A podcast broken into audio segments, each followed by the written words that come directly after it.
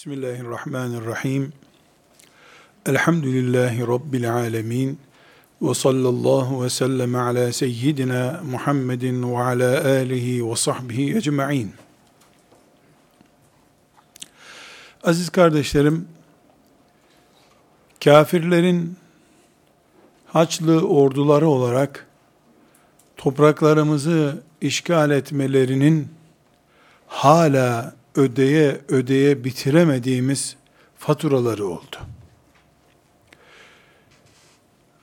Fakat kafirlerin hayat tarzının da bizi işgal etmesi, beyinlerindeki mikropların bizim beyinlerimize intikal etmesinin de ödediğimiz faturaları var.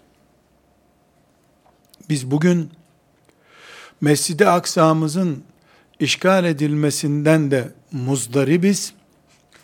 Beyinlerimizin işgale uğramasından da muzdaribiz. Ama Mescid-i Aksa'mızın er veya geç, yarın ya da yarından da daha yakın bir zamanda inşallah esaretinden kurtulacağına umudumuz çok yüksektir, canlıdır. Rabbimizin vaadi bu çünkü.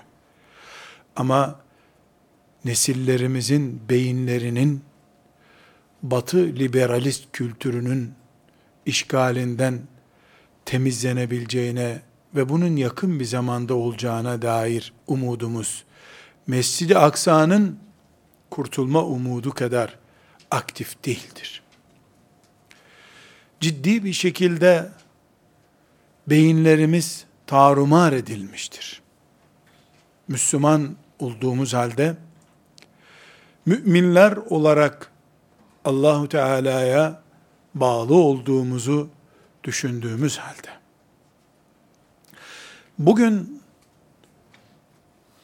şu bahsettiğim Mescid-i Aksa'nın mübarek toprağının işgal edilmesine benzeyen beyinlerimizin işgal edilme göstergelerinden biri kardeşlerim dünya hayatını şu üzerinde yaşadığımız dünyadaki meçhul olan aslında meçhul olan 50-60 yıl ne kadarsa 10 yıl 20 yıl ne kadarsa dünya hayatını kendi projemiz zannediyor oluşumuzdur.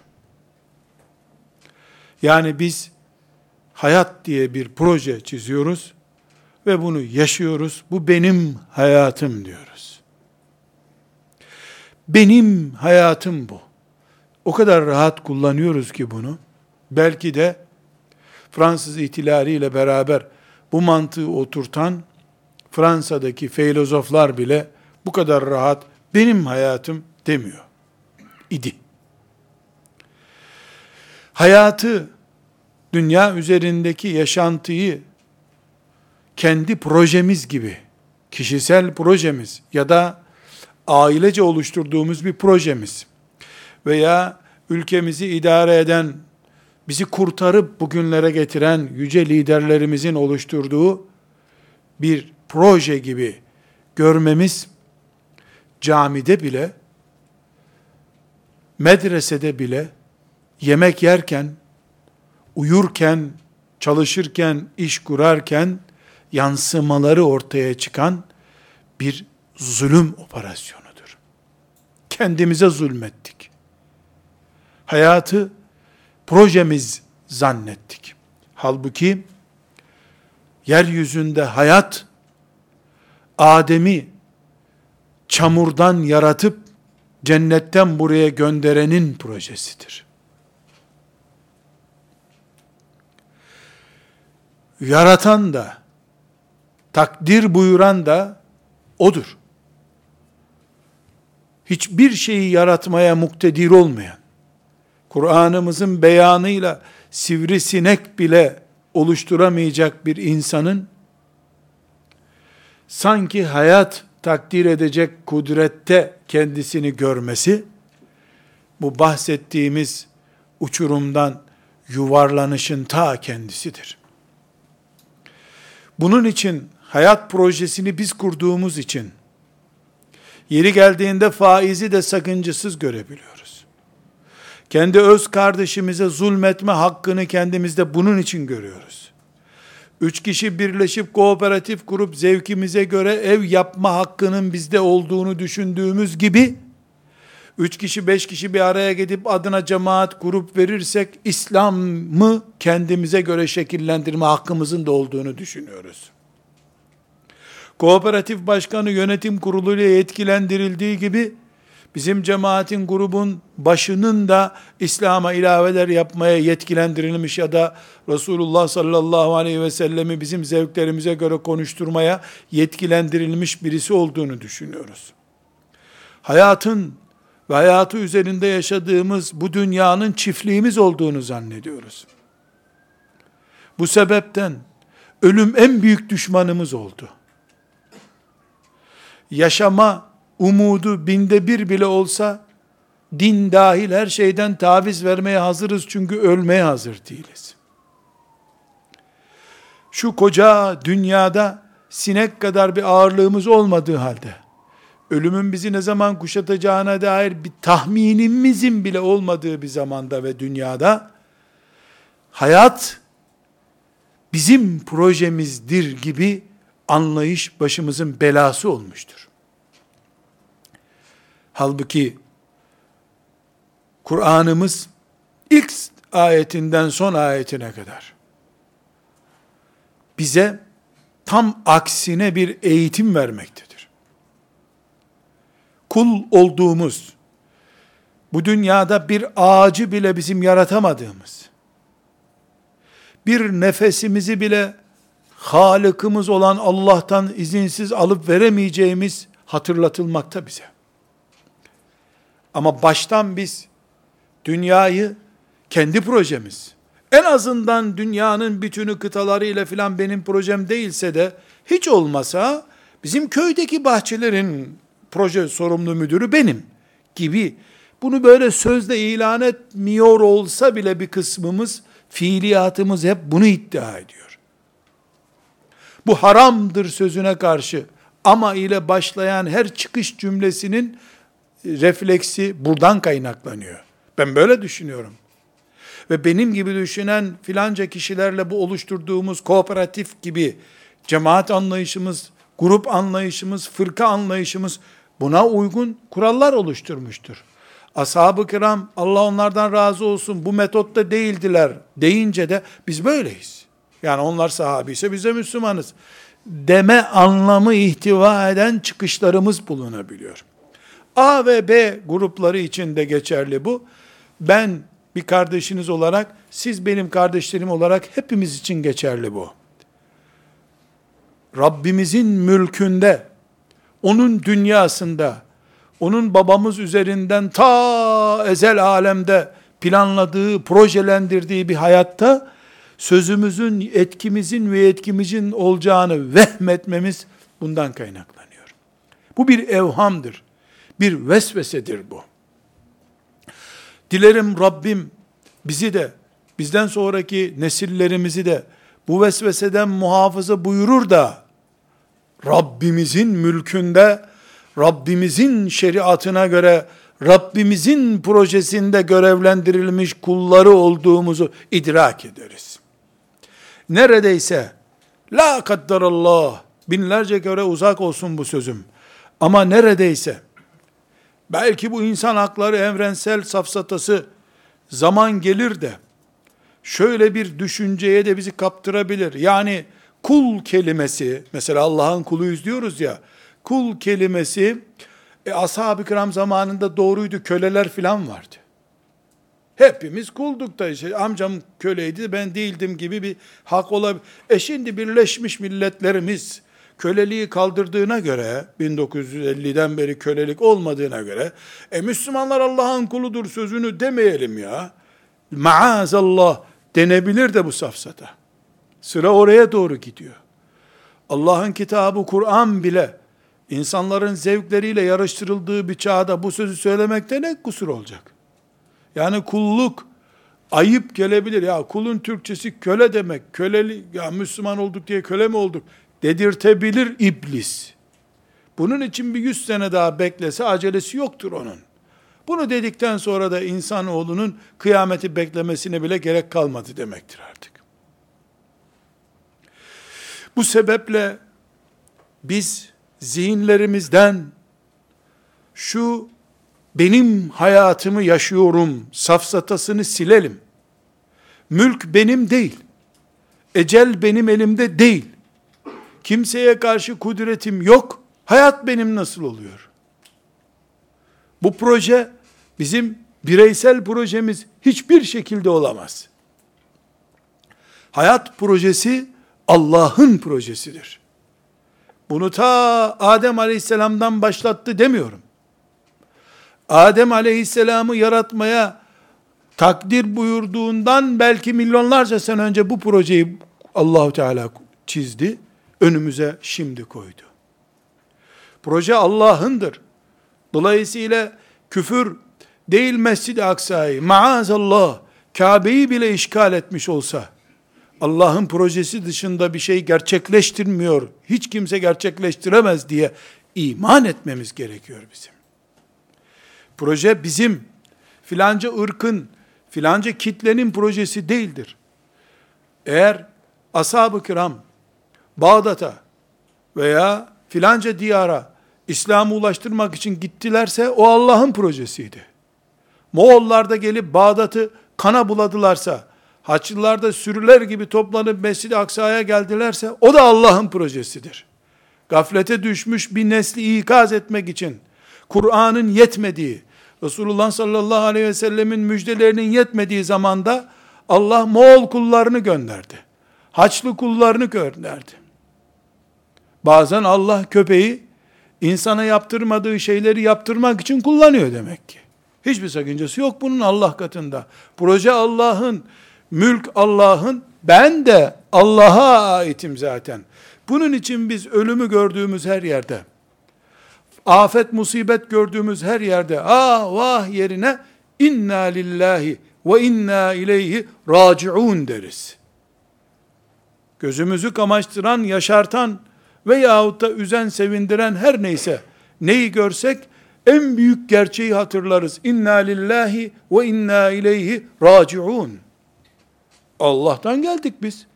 E gene ona gideceğiz. Öldüyse öldü. Yıkıldıysa yıkıldı. Sevindiyse sevindi. Kalbi hidayet bulmuş mümin, inna lillahi ve inna ileyhi raciun diye haykırabilen mümindir. Ağlayıp vahlayan, sitemler eden, dağıtan, yumruk vuran, cam kıran, şişeyi parçalayan ise henüz nereden geldiğini bilmeyen adamdır. Göğsünü paralayan bir kadın evladı öldü diye nereden geldiğini ve nereye gideceğini bilmeyen insandır. Ama Rabbinin onu gönderdiğini bilen, yani Allah'ın projesinin bir ürünü olarak bu dünyada 30 senedir 40 senedir var olduğunu düşünen bir ana, bir baba bir zengin malını kaybettiğinde, öbürü çocuğunu kaybettiğinde veya musibetle karşılaştığında, bağrını açtığında sen, bağrında levh-i mahfuzdaki örneğindeki gibi inna lillahi ve inna ileyhi raciun yazıyorsa eğer, ben Rabbimden geldim, Rabbime gidiyorum dediği zaman, boşanmakla da, doldurulmakla da, ölmekle de kahrolmaz bir insandır o. Bedir'de zevk alarak ölenler, Uhud'da zevk alarak şehit olup Rabbine gidenler bu mantığa sahip oldukları için hiç dert etmediler. Yaşadıklarını da dert etmediler, öldüklerini de dert etmediler. Psikologlar onların içinde hiçbir zaman iş bulamadı. Nuh aleyhisselam Rabbi ile kavuşmayı bildiği için inna lillahi ve inna ileyhi raciunu herkesten daha gür söyleyecek bir Allah kulu olduğu için hiçbir psikoloğun desteğine ihtiyaç hissetmedi. Rabbi ile bağlantısını kaybedip iletişim sorunu yaşayanlar psikologlara ücret ödemek zorundadırlar. Mülk Allah'ındır. Bütün hükümlerde, kurallarda Allah'ındır. Biz de Allah'ın kullarıyız. Sivrisineği bile icat etmeye kudretimiz olmayacak kadar aciz ve zavallı kullarıyız Allah'ın. E ona tutunduğumuz zaman ise kainat kadar güçlüyüz demektir. Koptuğumuz zaman da sivrisinekle baş edemeyecek kadar zayıfız demektir. ölçümüz şu, şu kainat, güneş, gezegen vesaire ne diye bir kavram biliyorsak ulu büyük manada ne kavram biliyorsak o bildiğimiz kavramın proje olarak sahibi kimdir sorduğumuzda bir Müslüman olarak Allah diyoruz. Yerleri göğü yarattı çünkü diyoruz. Peki ana rahminde birbirini tanımayan iki insanın üçüncü bir parçası olarak beni, filancayı, benim çocuklarımı, benim kardeşlerimi, yeğenlerimi, milyarları yaratan kimdir diye sorduğumuzda e Allah diyoruz. Demeye iman mecburiyeti hissediyoruz. Peki aynı şekilde düşmanını, dostunu, çevreni, altını, üstünü, fakirliği, zenginliği, gökleri, yeri, suları, denizleri, bitkileri, balıkları, hayvanları kim yarattı diye sorduğumuzda Allah'tan başka bir cevap verebilir miyiz? Veremeyiz. O zaman gökten yere kadar, insandan hayvana kadar, sudan e, oksijene kadar her şeyi Allah yaratıyor da hayat nasıl bizim projemiz oluyor? Buna nasıl bizim projemiz diye bir isim koyabiliriz? İşte bu bir anlayış tarzıdır kardeşler. Belki bir kısım kardeşlerim şimdi bu sözleri dinlerken yani bu ne demek oluyor? Ne demek? Proje kimin olursa olsun işte biz sabah namazına gideceğiz inşallah yarın diye düşünerek benim konuştuğumu yere basmamış bir söz gibi belki anlıyorlar. Tam aksine diyorum ki iş buradan başlıyor. Kelime-i tevhidi samimi bir şekilde söyleyip söylemediğimiz kimin projesinde bulunduğumuzu anlamakla devam ediyor. Eğer bir mümin kendisini hayatını ki benim hayatım ben yaşıyorum bizim grubumuz gençlik grubu veyahut da filancalar diye algılayacak bir noktada tutuyorsa Rabbim ona yardım etsin. Onun kat etmesi gereken çok mesafe var demektir. Burada kardeşlerim bir anlayış devrimi diyelim çağdaş olsun, inkılabı diyelim bize ait olsun. Bir anlayış inkılabı yapmamız lazım. Rabbimizin projesinin elemanlarıyız. Eğer Rabbimin projesinin elemanı olduğum için ücret olarak da ben cennet diye bu projede görev aldığım için burada isem eğer benim görevim de internet furyasına karşı imanımı ve iffetimi koruyup 50 sene yaşayıp bu dünyadan gitmekse ha ben ha Hamza'nın Uhud'daki şehadeti bir şey değişmiyor. Çünkü Allah'ın projesinin Uhud olarak tecelli ettiği gün Hamza'dan görev bekleniyordu. Hamza görevini fiilen ifa etmişti. Radıyallahu anh. Bugünkü Hamza benim ve internette bu savaşı yapacağım. İffetime sahip çıkmam, Resulullah sallallahu aleyhi ve sellemin projesinin iffet bölümünü bireysel bazda da olsa koruyor olmam, taviz vermeyen bir asiye olarak İsrail oğullarının asiyesine karşılık ümmeti Muhammed'in asiyesiyim ben diye ayakta duran kadın bugünkü ümmeti Muhammed'in bugünkü projenin devamı olduğu için Allahu Teala'nın rızasını kazanmış demektir. Bugün Uhud devam ediyor. Hendek muharebesi devam ediyor. Bugün o gün var olan her şey biiznillah devam ediyor. Çünkü Allah'ın projesi devam ediyor. O gün kainatla ilgili hesapları Allah yapıyordu. Kulu Muhammed aleyhisselama tebliğ etmişti de bugün kainat hesabını kim yapıyor? Birleşmiş veya birleştirilmiş milletlere mi devredildi bu? Allah'a imanımız böyle bir şeyi kabul etmeye müsait mi? Dün de, bugün de Allah'tır. Evvelki günde Allah'tı, yarın da Allah olacaktır. Projenin asıl sahibi. De, demek ki birinci madde kardeşlerim, bu proje kimindir bu dünyada? Bunu anlayacağız.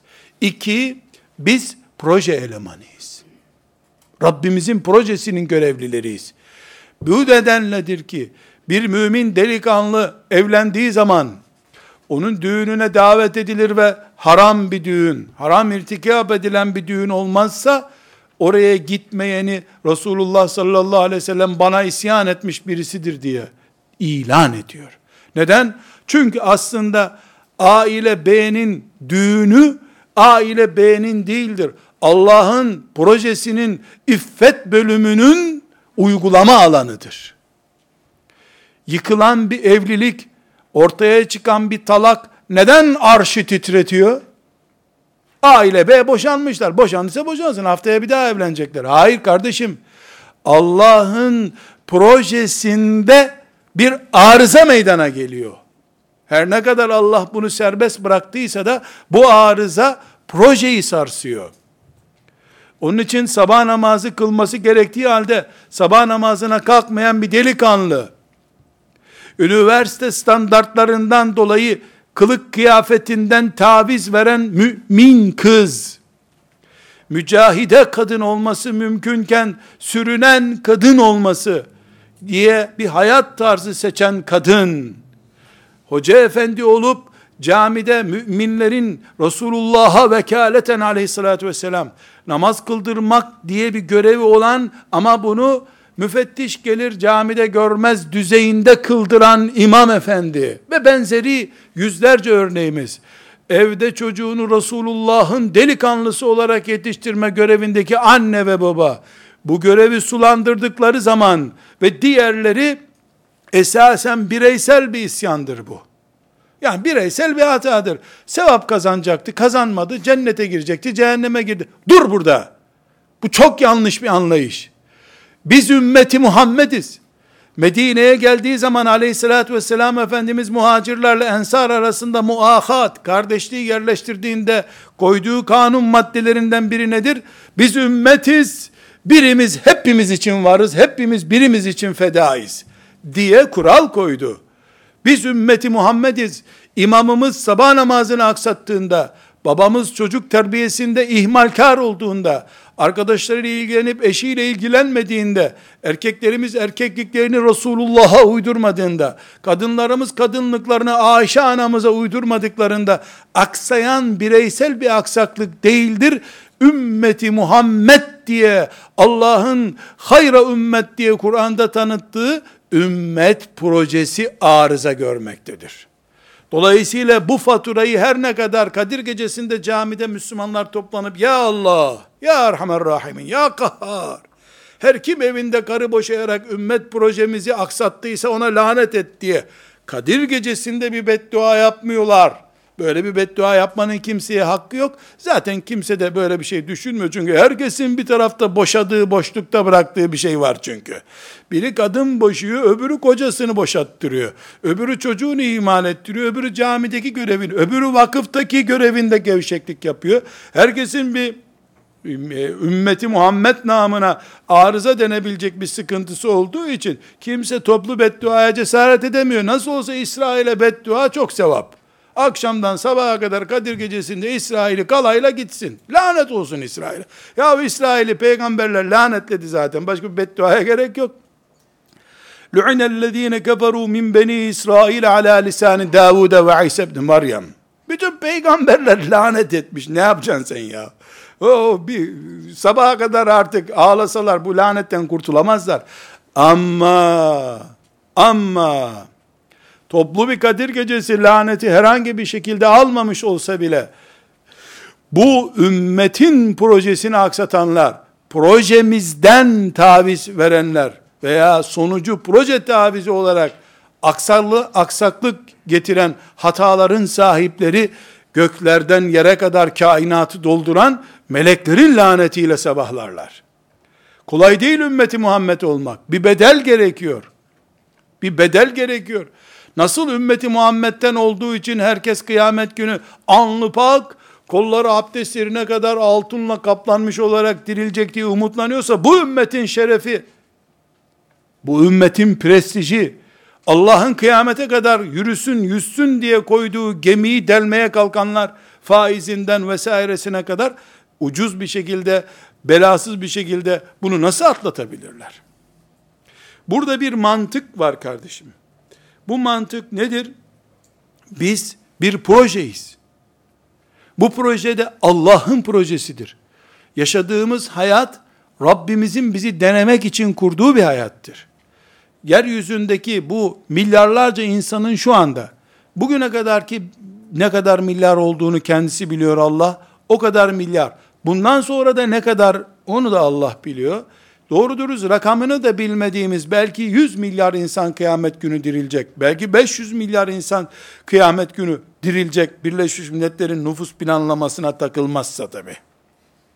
Ellerinden gelse mendeburlar eskilere bile nüfus planlaması yapacaklar. Mezarlara bile nüfus planlaması yapacaklar. Çünkü onlar yeryüzünde ne kadar az insan olursa o kadar ahenkli bir hayat yaşayacaklarını zannediyorlar. Biz de bir kere daha fazla la ilahe illallah denir umuduyla 70 milyar olsun dünya istiyoruz. Nasıl olsa rızkı Allah veriyor. Aramızdaki proje insanıyla e, doğum evinden doğmuş gelmiş insan arasındaki farkı konuşuyoruz kardeşlerim. Şimdi biz proje müminleri olarak Allah'ın projesinin görevli kulları olarak hayata dönüp baktığımızda bu hayatın bizim zannettiğimiz gibi kendini sigortalat, iş bul, askerliğinde yapmış ol, diplomanda garanti olsun, bir de tanıdık bul, selamun aleyküm be, oh be, selamun aleyküm, hayat yahu. Zannettiğimiz bir ağacın altında yaşanan şey, esasen bu değildir. Allah bunun için biraz sonra ayetler okuyacağız. Bunun için gökleri yaratmadığını söylüyor. Bunun için yeryüzünü yaratmadığını söylüyor. Hatta ağaçlar, şelaleler, balıklar, timsahlar, boğalar ne tanıyorsak bu dünyada ve güzel dediğimiz ne varsa zinetü dünya. Şu dünyanın zinetleri dediğimiz şeyi de Allahu Teala siz sınanın diye. Koca ağaç, şelale benim imtihanım için yaratılmış. Akvaryum balığı benim imtihanım için yaratılmış. Büyük okyanuslar benim imtihanım için yaratılmış. Teleskopla, dürbünle neyle bakarsan bak ucunu bucağını göremediğin gökyüzü, uzay, genişlik hep benim imtihanım için yaratılmış. Diyor Kur'an, Kur'an bu örneklerle dolu. Farklı ayetleri inşallah okuyacağız, anlamaya çalışacağız. Diliyorum Rabbimden anlar anlamaz da hayat standardımızı artık Rabbimizin projesinde hayat nimetiyle bahşiş görmüş, ihsan görmüş kulları olduğumuzun şuuruyla sabahlayacağız inşallah. Gaye budur. Aksi takdirde Ebu Bekir radıyallahu anh'ın Peygamber aleyhisselama cömertliğini, fedakarlıklarını okuyup, ah vah ne güzel amin bizi de onlarla haşret ya Rabbi dualarıyla bu iş olup bitmediğini 100 senedir herhalde anladık sonunda. Sonunda anladık. Bizim ibadetlerimizden ahlakımıza kadar, faizi haram bilmemizden, gıybeti de haram bilmemize kadar, Rabbimizden ne öğrendiysek, insan olarak her şey benim üzerimde bir deneme için var edilmiş diye anlıyorum. Allah faizi yasaklayalı en az 4000 sene oldu. Çünkü Yahudilere de haramdı faiz. İlk defa faiz kaidelerini de Yahudiler deldi. Her şeyi deldikleri gibi. Dolayısıyla Allahu Teala faizi kaldırdı. Peygamber aleyhissalatü vesselam veda hutbesinde ayağının altına aldı. Bütün cahiliye adetlerinde olduğu gibi ama faiz insanın kanser gibi, verem gibi veya filan hastalık gibi kıyamete kadar hücrelerinin ezilip ezilmeyeceğinin bakılacağı bir test unsurudur. Şehvetlerimiz bir test unsurudur. Bu dünyada biz namaz kılarken de, para hırsımızı tatmin ederken de imtihan için bulunuyoruz. Başka hiçbir gayemiz yoktur. Burada kardeşlerim, hepimizi zorlama pahasına da olsa, bir miktar zorlayıp yoracak bir mantık ihtiva ediyor olsa da, üç şeye davet ediyorum. Birincisi, biraz sonra dinleyeceğimiz ayetlerden Rabbimiz niye bizi var etmiş? Benim hayatım dediği böyle göğsümüzü açtığımız şey var ya, aslında Allah'ın projesi ama bizim hayatımız değil. Allah'ın projesinde bir nefes bile değil bizim hayatımız. Milyarlarca insanın arasında benim 20 senem, 50 senem veya 100 senem kaçta kaça tekabül ediyor ki? Allah'ın hayat verdiği, nefes aldırdığı milyarlarca kulu var insan olarak. Sayısını Allah'tan başkasının bilmesi mümkün olmayacak kadar hayvanlar var. Hepsinin aldığı bir nefes var. Hepsinin yediği bir lokma var. Hepsinin hesabı var Allah katında. Ben neyim bu kadar kalabalık hesabın içerisinde ya? 1 bölü 7 milyar desem komik bir şey olur. 1 bölü 7 trilyon desem daha komik olur. Hiç rakam bilmediğim ortaya çıkar. Trilyon, kıtrilyon gibi bir rakamın ifade edemeyeceği bir şeyin bir tanesiyim ben sadece. Bu kadar büyük mülkün içinde bir proje var. Allah murad etmiş, yaratmış. Ayetlerde göreceğiz niye murad ettiğini ve hangi kapasiteli bir yaratmayı murad ettiğini göreceğiz. Bu projenin dev boyutunu diyeceğim, dev kelimesi cüce kalıyor. Allah'ın azametine uygun bir çapta bu projeyi düşünelim. Bu projeyi düşünelim. Bir. iki, bugüne kadar kaç yaşındaysam, 20, 20, 50, 50, 80, 80, Kur'an'ımı, imanımı, kulluğumu böyle bir proje olarak düşünebildim mi ben? İman deyince altı maddeyi saymayı yeterli mi gördüm? Şimdi bir on küsür ayet okuyacağız. Bunların üzerinden bu tefekkürü yapmaya çalışacağız. Dedim ki birinci şey Rabbimizin projesini, Rabbani projeyi düşünelim. Bir de kendi cılızlığımızı düşünelim. İki, bugüne kadar bunu böyle mi anladık biz?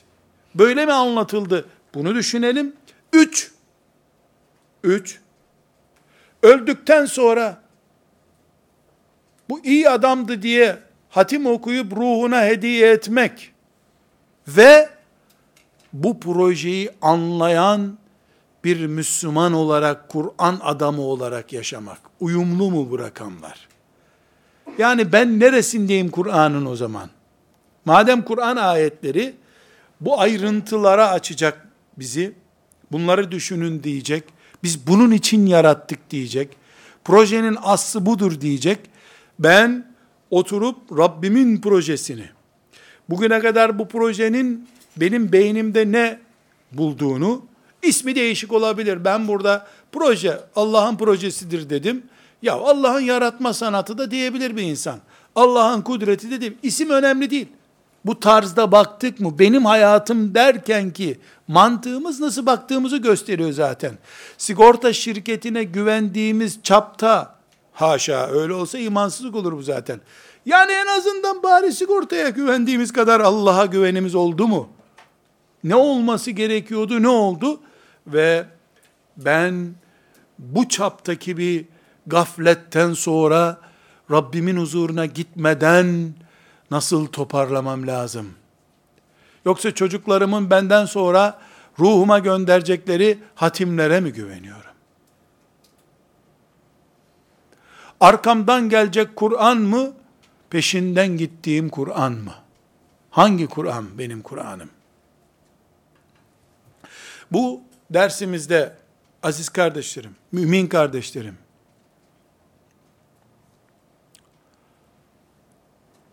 İnne zikra tenfe'ul müminin. Birbirimizi hatırlatmamız mümin olarak hepimizin faydasınadır. Ve zekkir fe inne zikra tenfe'ul müminin. Ben burada bu noktada durmak istiyorum. Rabbim beni şu anda meleklerine kaydettiriyor. O da kudretiyle beni izliyor. Beni ve zekkir fe inne zikra tenfe'ul müminin ayetini sen hatırlat. Müminler bu hatırlatmadan istifade ederler. Buyurdu peygamberine ben bu konumda tutmak istiyorum kendimi. Sizler de bilmiyorduk olabilir ama öğrendik elhamdülillah. Rabbimizin madem ki böyle bir muradı vardı, madem bir projesinin elemanıydık biz, o projede bir küçük hücreydik ve 2015 yılında projenin filan bölümünün sorumlusu beni murad etmişti Allah. Ne şeref bu yahu. Yüzlerce milyar insanın içinde bir yılın, bir gününün adamı olarak seçilmiş olmak ne büyük proje, ne büyük bir ödül olacak kıyamet günü. kıyamete kadar ümmet genini, müminlik genlerini taşıyan hücrelerden biri olarak 2015 yılının filanca gününün filanca saatinde Allah'ın beni seçmiş olması, benim de onun lütfu ve keremiyle bu görevi başarıyla idrak etmiş ve yaşayabilmiş olmam ne büyük nimet ya. Bunun adı kadınlık, erkeklik, hocalık, hacılık anlatılamaz böyle bir şeyle. Anlatılamaz. Böyle bir kelime bu. Erkekmiş, kadınmış, talebeymiş, hocaymış. Bırak bunları. Bunlar boş kelimeler ya. Ümmet olmak. Allah'ın projesinde görev sahibi olmak. Hayra ümmetin uhricet linnas ayetini tecelli ettiren Halid bin Velid'ti. Aynı zamanda Übey ibn Ka'b'tı. Enes ibn Malik'ti. Nesibe'ydi. O zaman şimdi de ben filanca kardeşim, vakıftaki filanca görevim, filanca eşim, filanca çocuklarım, elhamdülillah hep beraberiz. Ey büyük Allah'ım, kerim olan Allah'ım, beni seçmekle sen bana neler ihsan etmişsin dediğim zaman, elhamdülillah ben yola girmeye hazırım demektir. Sıkıntı zaten cenneti ortak, cennete giden yolları açmayı da hocaların görevi zannetmekten başlıyor. Din hepimizin, dine hizmet hocaların. Hocalar da bunu resmi bir kuruma devredince herkes rahat ediyor zaten. Allah herkes uzun ömürler versin. İnşaallah. Ey Allah'ım. Ey bizi izleyen melekler. Hepiniz şahit olun. Hepimiz de birbirimizin şahidi olalım. Bugün biz bu Allah'ın projesinde görevliyiz. Ve biraz sonra dinleyeceğimiz ayetlerin üzerimizde tecelli etmesinin hasretiyle kavruluyoruz. Ben sakalımın varlığından çok bu ayetlere olan aşkıma itimat edeceğim. Bacılarım da tesettürlerinden, başörtülerinden, feracelerinden önce ey Rabbim feracemi düşman yırtıp atabilir. Belki de eşim onu değil bunu giy diyebilir, giymeye mahkum olabilirim. Ama ben senin projende bir hücre olmayı kabul ettim, sen de beni kabul et Allah'ım diyecekleri bir yatırım yapalım kardeşlerim. Yoksa ne dinlediğimiz ayetler, ne dinlediğimiz hadisler, ne de başımıza gelmiş musibetler hiçbirimize ders olmuyor görüyorsunuz.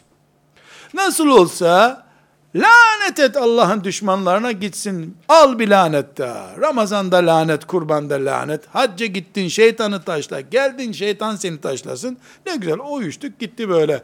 Oluyor ya. Hayır. İnşallah bu taşlar yerinden oynayacak. Allah'ın projesinde şereflendirilmiş kullarıyız biz Allah'ın. Velev ki bir caminin tuvaletini temizlemek diye adlandırılan bir proje olsun. Velev ki bir medresede Kur'an ezberleyen çocukların iç çamaşırlarını ellerimle temizlemek olsun kasamen billah şereftir bu projede. Şereftir. Nasıl olsa peygamber olmak yok bu projede artık. Peygamberi var projenin. E, Ebu Bekir olmak sahabi olarak yok. Hayalde mümkün değil. Peygamberin yenisi yok çünkü. Ama sana canlar kurban olsun, analar babalar kurban olsun ya Resulallah diyen adamların ruhunu yakalamak var. Bu odur işte. Caminin tuvaletini de temizlersin. Talebelerin yemeğini de yaparsın. Hiçbir şey yapamazsam camiyi temizlerim. Temizse paspasını yaparım. Sonra da beni Resulullah öldüğümde arayacak, mezarımın başına gelecek diye billahi umutla yaşarım. Olmamış şeyler değil. Çünkü bunlar. Ama biz proje adamı olduğumuzu, Resulullah'ın başında bulunduğu aleyhissalatü vesselam, projenin adamı olduğumuzu anlamamız lazım. Bunun için de bir, silkinmemiz gerekiyor. Bu gaflet uykusundan. Günübirlik olaylara o kazandı bu kaybettiye takılıp gitmekten, iş, güç, para vesairenin esiri olmaktan, para kazanmamaktan değil, esiri olmaktan, günübirlik filanca yazara takılıp kalmaktan koca bir ümmet, sırtında kainat var bu ümmetin. E uzayın en ucunda Merih'te, Merih'in ötesinde bir insan bulunsa, bir cin bulunsa, Kur'an'ı ona götürmekle yükümlü bir ümmet, bir yazarın yazdığı üç cilt, dört cilt kitaba takılıp, bunlarla İslam kıyamete kadar yaşanacak diyeceği bir gaflete takılıp kalmışlıktan sıyrılmak. Allah, Kur'an, Resulullah ve ümmetin 1400 senelik şahitliğiyle Kur'an ve sünnetin imamları olan Ebu Hanifeler, Şafiiler, Malikler, Ahmet bin Hanbeliler, Ebu Yusuflar, rahimahumullahu cemiyen, Allah hepsinden razı olsun, onların çizdiği hatları kalın, halat gibi çizgiler. Bu çizgilerden yürüme kararı. Bir geçiş dönemi yaşamamız gerekiyor ve böylece okunan Kur'an ayetlerinin bir tanesi ölü bile olsak, mezarın içinde bile olsak bizi ayağa kaldıracak heyecanlı bir Kur'an bağlantısı kurmak. Bunun ortak adı ne biliyor musunuz kardeşlerim? İmanımızdan lezzet almaya başlamaktır. Şimdi not tuttuğunuz defterlerinizin başlığını koyun. Zevk aldığımız imana doğru yol alıyoruz deyin. Müminiz elhamdülillah. Elhamdülillah. Müminlikte hiçbir sıkıntı yok. Varlığında elhamdülillah. Rabbimizin lütfuyla tabi. Ama imanımızın baş ağrımızı, tansiyonumuzu düzelttiği, mide ağrımızı bile düzelttiği bir lezzet verdiği var mı? Ölüme zevk alarak koşmak var mı? Allah deyince tüylerimizin diken olup diken olup dik dik olmasından söz ediyoruz. Biz kimin nerede olduğundan değil, bizim nerede olmamız gerektiğinden dertliyiz. Birileri Kur'an'ımızı bile muhasebe etmeye kalkabilir. Ya bu Kur'an çok cinayetçi adam yetiştiriyor. Bu Kur'an'ı şöyle bir tıraşlayalım mı teklifine. Yani aslında o ayetler e, Medine'de ağırdı. Şimdi biraz daha böyle yanlış anlaşılmış olabilir filan diye evirip kıvırıp böyle rezil olacağı bir tavize koşabilir birileri. Beni hiç önemsemiyorum. Hiç önemli değil benim için. Ben neredeyim? Kur'an'dan ne anlıyorum? Resulullah deyince aleyhissalatü vesselam, Bukhari'de hadismiş deyince hangi heyecan beni kaplıyor? Ebu Hanife deyince ben, Türk halkının da aslında Türktür. Ee, onun için Türk halkının da külliyetli olarak imamı bulunduğu, yani özellikle yani Selçuklu Devleti'nin ve Osmanlı Devleti'nin resmi mezhebi olan e, Ebu Hanife'nin mi diyorum? Resulullah'ın izinden gitmekte aleyhissalatü vesselam en meşhur dört büyük adamdan birisi olarak benim de peşinden gittiğim imam mı diyorum. Çok fark var ikisi arasında. Belki de siyahla beyaz kadar fark var. Bunun için bugün biz imanımızdan ve imanımızı simgeleyen şeylerden lezzet alma hasreti yaşıyoruz. Bu hasret Resulullah sallallahu aleyhi ve sellem bunaldığı zamanlar Bilal şöyle bir ezan oku da rahatlayalım dediği şeydir. Çünkü namaz imanı simgeleyen değerlerden bir değerdir. Bugün bu hasretle yaşıyoruz. Ama Allah şahitse eğer bu hasretimize, bu sevdamıza, bizi yerin yedi kat altına gömseler, öyle mezara filan değil, üstümüze dünyayı beş defa, altı defa, yedi defa sarıp sarıp mezar taşı olarak koysalar, Allah bizi görsün ya öyle kesin meleklerle iletişimimiz devam eder. Biiznillah Ebu Bekir'le diriliriz o zaman. Ne kadar derine gömerse gömsünler bizi. Öldürmekten filan söz etmiyorum. Öldükten sonra bile bize işkenceye devam etseler, bu hasret içimizde olsun yeter. İslam devleti kurulmuş kurulmamış. Çok dert etmem bunu ben. Ben İslam devleti olarak varım bu kainatta zaten. Ben benim devletimi kurdum.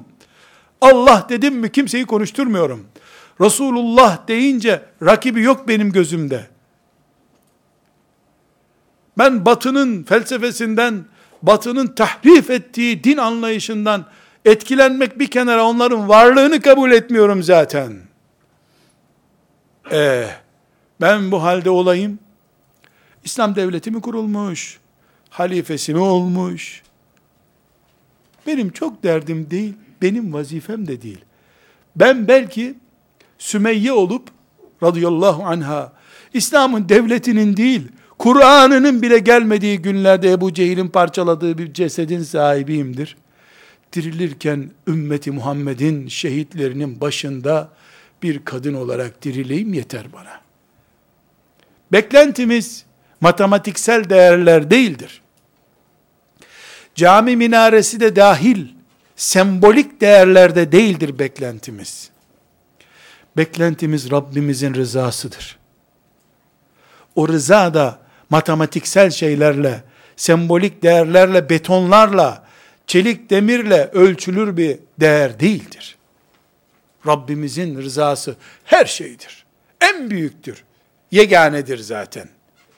Bilhassa genç kardeşlerimin, önceki kuşakların yaşadığı dar boğaza düşmemeleri için, kendilerini filanca devletin kurtuluşu, filanca bakanlığın İslamlaştırılması, filanca gazetenin yayınlarının durdurulup, filanca gazetenin daha çok satılması gibi, şu Allah'ın projesinde, nokta diyeceğim de nokta çok cılıdan büyük görür.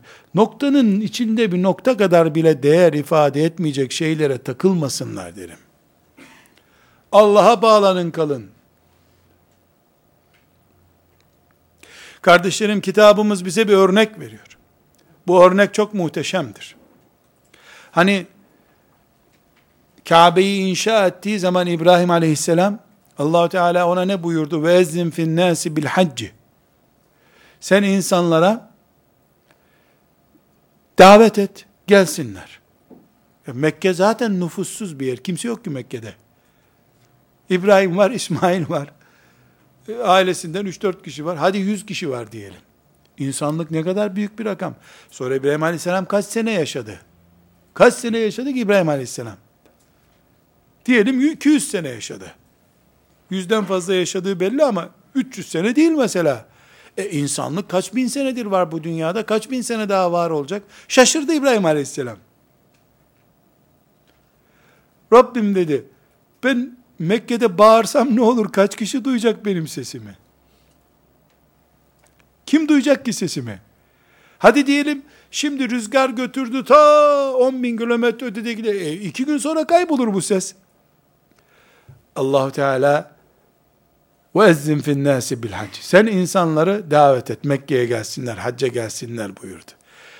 Duyurmak Allah'ın işi. Bağırmak, davet etmek İbrahim'in işi.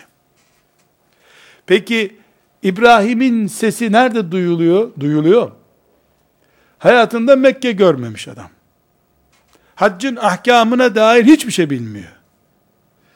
Anadolu'nun bir köyünde tarlasından başka bir şey tanıdığı yok. Köyün imamını tanıyor bir de. İslam'ın şartlarından biri haçtır diye bir şey biliyor. Adam sakat, astım hastası.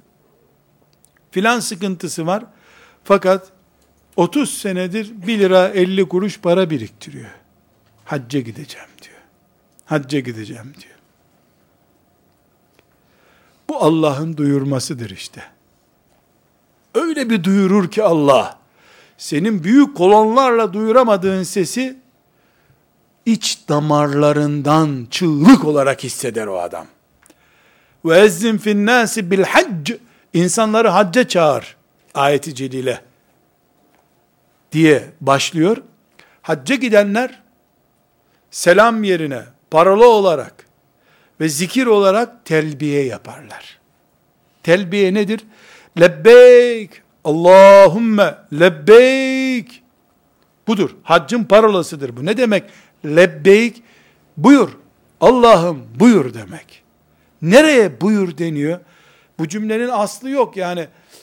Ahmet diye çağıran birisine buyurun efendim diyoruz biz. E buyur Allah'ım niye diyor hacı? Ve ezzin fin nasi bil hacci ye'tuke ricalen sen İbrahim insanları çağır. 4000 sene, belki 5000 sene, net bir tarihi yok. Sen çağır insanları. Esasen matematiksel olarak, fizik olarak buna bakıldığında ya İbrahim'in mezarı nerede bilmiyoruz biz aleyhissalatü vesselam. Ne, hangi daveti aldık? hac sevdasını aç, müminlerin yüreğine bak bakalım o davet nasıl ulaşmış. Demek ki bunu neye örnek veriyoruz? Bizim vazifemiz matematiksel sonuçları, denklemleri kurmak değildir. O Allah'ın işidir. Bizim vazifemiz işin aslına sahip olmak, Allah'ın rızasına sahip olmak. Bir genç de sakın ben hafızlık yapıyorum diye bir şey düşünmemelidir. Çok cılız bir istek olur bu. Ne hafızlığı ya? Allah'ın kıyamete kadar Kur'an'ı koruma projesinin 2015 yılındaki mübarek Kur'an'la şereflenmiş nur yüzlü adaylarından birisin sen. Niye hafızlık diyorsun ki buna? Hafızlık çok cılız bir şey. Ne ayetinde Kur'an'ı ezberlemek diye tercüme edilecek bir kelimedir hafızlık. Daha büyük bir ismin altına gir. İnşallah. Burada aziz kardeşlerim, hafız için geçerli bu. Zekat veren mümin kardeşim için geçerli.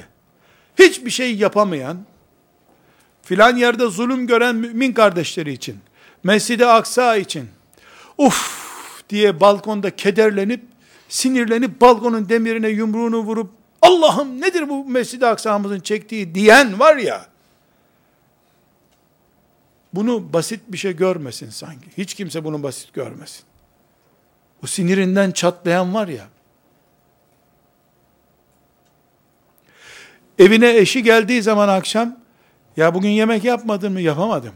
Sabahleyin haberleri dinledim.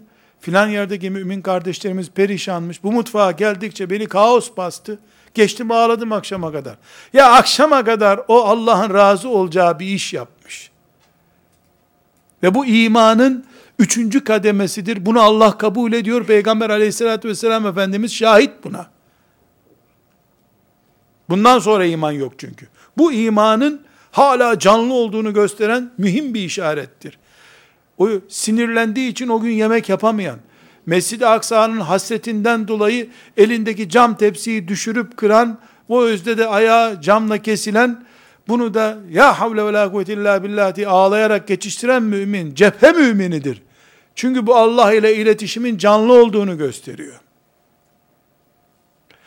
Ümmeti Muhammed'in gençlerinin üniversitelerde veya üniversite hazırlık merkezlerinde, gençlik merkezi denen yuvalarda, ümmeti Muhammed'in geleceğinin umudunun nasıl çürütüldüğünü görüp de, uykusu kaçan müminin uykusu kaçmamıştır. O teheccüd kılan mümin gibi değerlidir.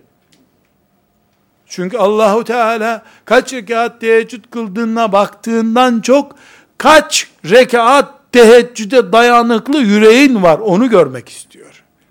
Bir yürek yarışı yapıyoruz biz. Proje mümini olduğumuz zaman. Aziz kardeşlerim, çok net bir şekilde artık lütfen anlayalım ki biz bir proje için varız.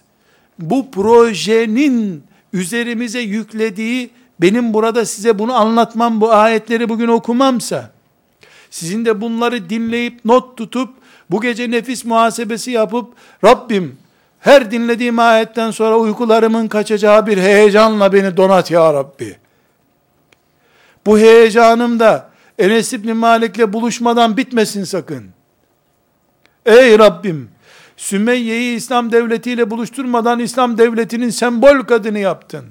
Ben de halifesiz bir dünyada yaşayan genç bir kız olabilirim. Ümmetimin Mescid-i Aksa'sı da olmayabilir. Benim kıyafetim istihza konusu olabilir. Ama ben Sümeyye'ye hayranım. Beni senin huzurunda Sümeyye ile birleştir. Aramızdaki yüzlerce seneyi yok kabul et beni birleştir Rabbim diyen. Yani bu projede Rabbimin takdir buyurduğu göreve hazır olduğumu hissettirdiğim zaman ben meleklere, bunu gördüğü zaman melekler, nerede hafızlık yaptığım, nerede ya, ne yaptığım hiç önemli değil artık. O zaman farz namazını camide kılarım, nafilemi kılarım, evime giderim ya da işime giderim, otururum, çalışırım, para kazanırım, evlenirim, yatak odamı kullanırım, mutfağımı kullanırım, ben hep cihat halindeyim. Çünkü ben teyakkuz halinde proje görevi için hazır beklediğimi ispat ettim meleklere. Bu ispatı camide de yaptım. Bu ispatı bir mümin kardeşimin davetidir diye kahvaltısına gittiğim zaman da yaptım. Bir ümmet ümmetimden bir kardeşim evlenirken gittim. Aa genç kardeşler çoğalıyoruz diye değil. Ey Allah'ım bu gece bu birleşmeden doğacak yavrumuzu eğer takdir buyurduysan çocukları olacaksa bunların onu annelerini, babalarını, o çocuğu Mescid-i Aksa'mıza feda ettik Rabbim. Onun için bu düğündeyiz biz diyen heyecanın sahibi olayım. Bir yastıkta kocasın, kocadıktan sonra emeklilikleri beraber olsun diye uydurma dualar yerine ey Allah'ım bizi huzuruna topluca kabul buyur. Yavrularımızla feda ettiğimiz kurbanlarımız olarak gör diyen şuurun sahibi olayım. Ben 24 saat cihat halindeyim zaten. Mücahide kadın budur. Mücahit hafız budur. Kur'an'dan geçinen kelepurcu hafız da öbürüdür. Ümmetimin imamı bu düşünceyi yavrularımıza aşılayan hocalarımızdır. Cami imamı da namazdan geçinen adamdır o zaman. Küsmek yok, kızmak yok. Hakikat mı böyle? Yoksa senin için hakikati mi değiştireceğiz? Kardeşlerim, demek ki Allah'ın bir projesi var. O proje için biz buradayız ve bu projenin özü de Rabbimiz bizi görmek istiyor. Ne olarak görmek istiyor bizi? Bu projedeki görevimizi yerine getireceğiz mi, getirmeyeceğiz mi? Getirirsek cennet vaadi var. Projedeki görevimizin ücreti cennettir Allah'ın izniyle. Bu projedeki görevimizi yerine getiremezsek, Rabbim sonumuzu hayır eylesin o zaman. Şimdi bu hissiyatı Kehf suresinin 6, 7 ve 8. ayetinde göreceğiz. İnsan suresinin 2. ayetinde göreceğiz. Bu rakamları veriyorum. Hep beraber artık proje insanı olduğumuzu ve projede kimlik ispatında kart basmak zorunda olduğumuzu anlatan Kur'an ayetlerini beraber bir sonraki derste tahlil edeceğiz. Bu tahlile zihinlerimiz hazır olsun. İnşallah bu ayetleri ezberleyelim. Proje adamı olarak dua ederken bu ayetlerin bizi ittiği yerlere doğru gidelim. Mülk suresinin ikinci ayeti, Hud suresinin altıncı ve yedinci ayeti, aynı şekilde En'am suresinin 165. ayeti,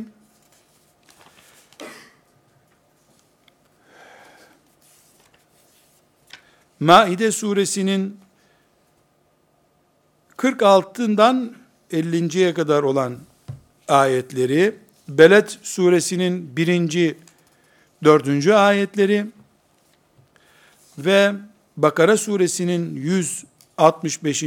ayeti bunlar okuyacağız inşallah. Muhammed suresinin 30 31. ayetleri ve Ali İmran suresinin 186. ayeti, Tevbe suresinin 16. ayeti, El-Ankebut suresinin 3. ayetini inşallah okuyacağız, anlamaya çalışacağız ve meleklerle Rabbimizin huzurunda sözleşeceğiz. Biz bu ayetlere göre proje müminiyiz. Dünyayı bir okul, hayatı da kendimiz için bir imtihan olarak görmeye söz veriyoruz ya Rabbi diyeceğiz iç bünyemizde.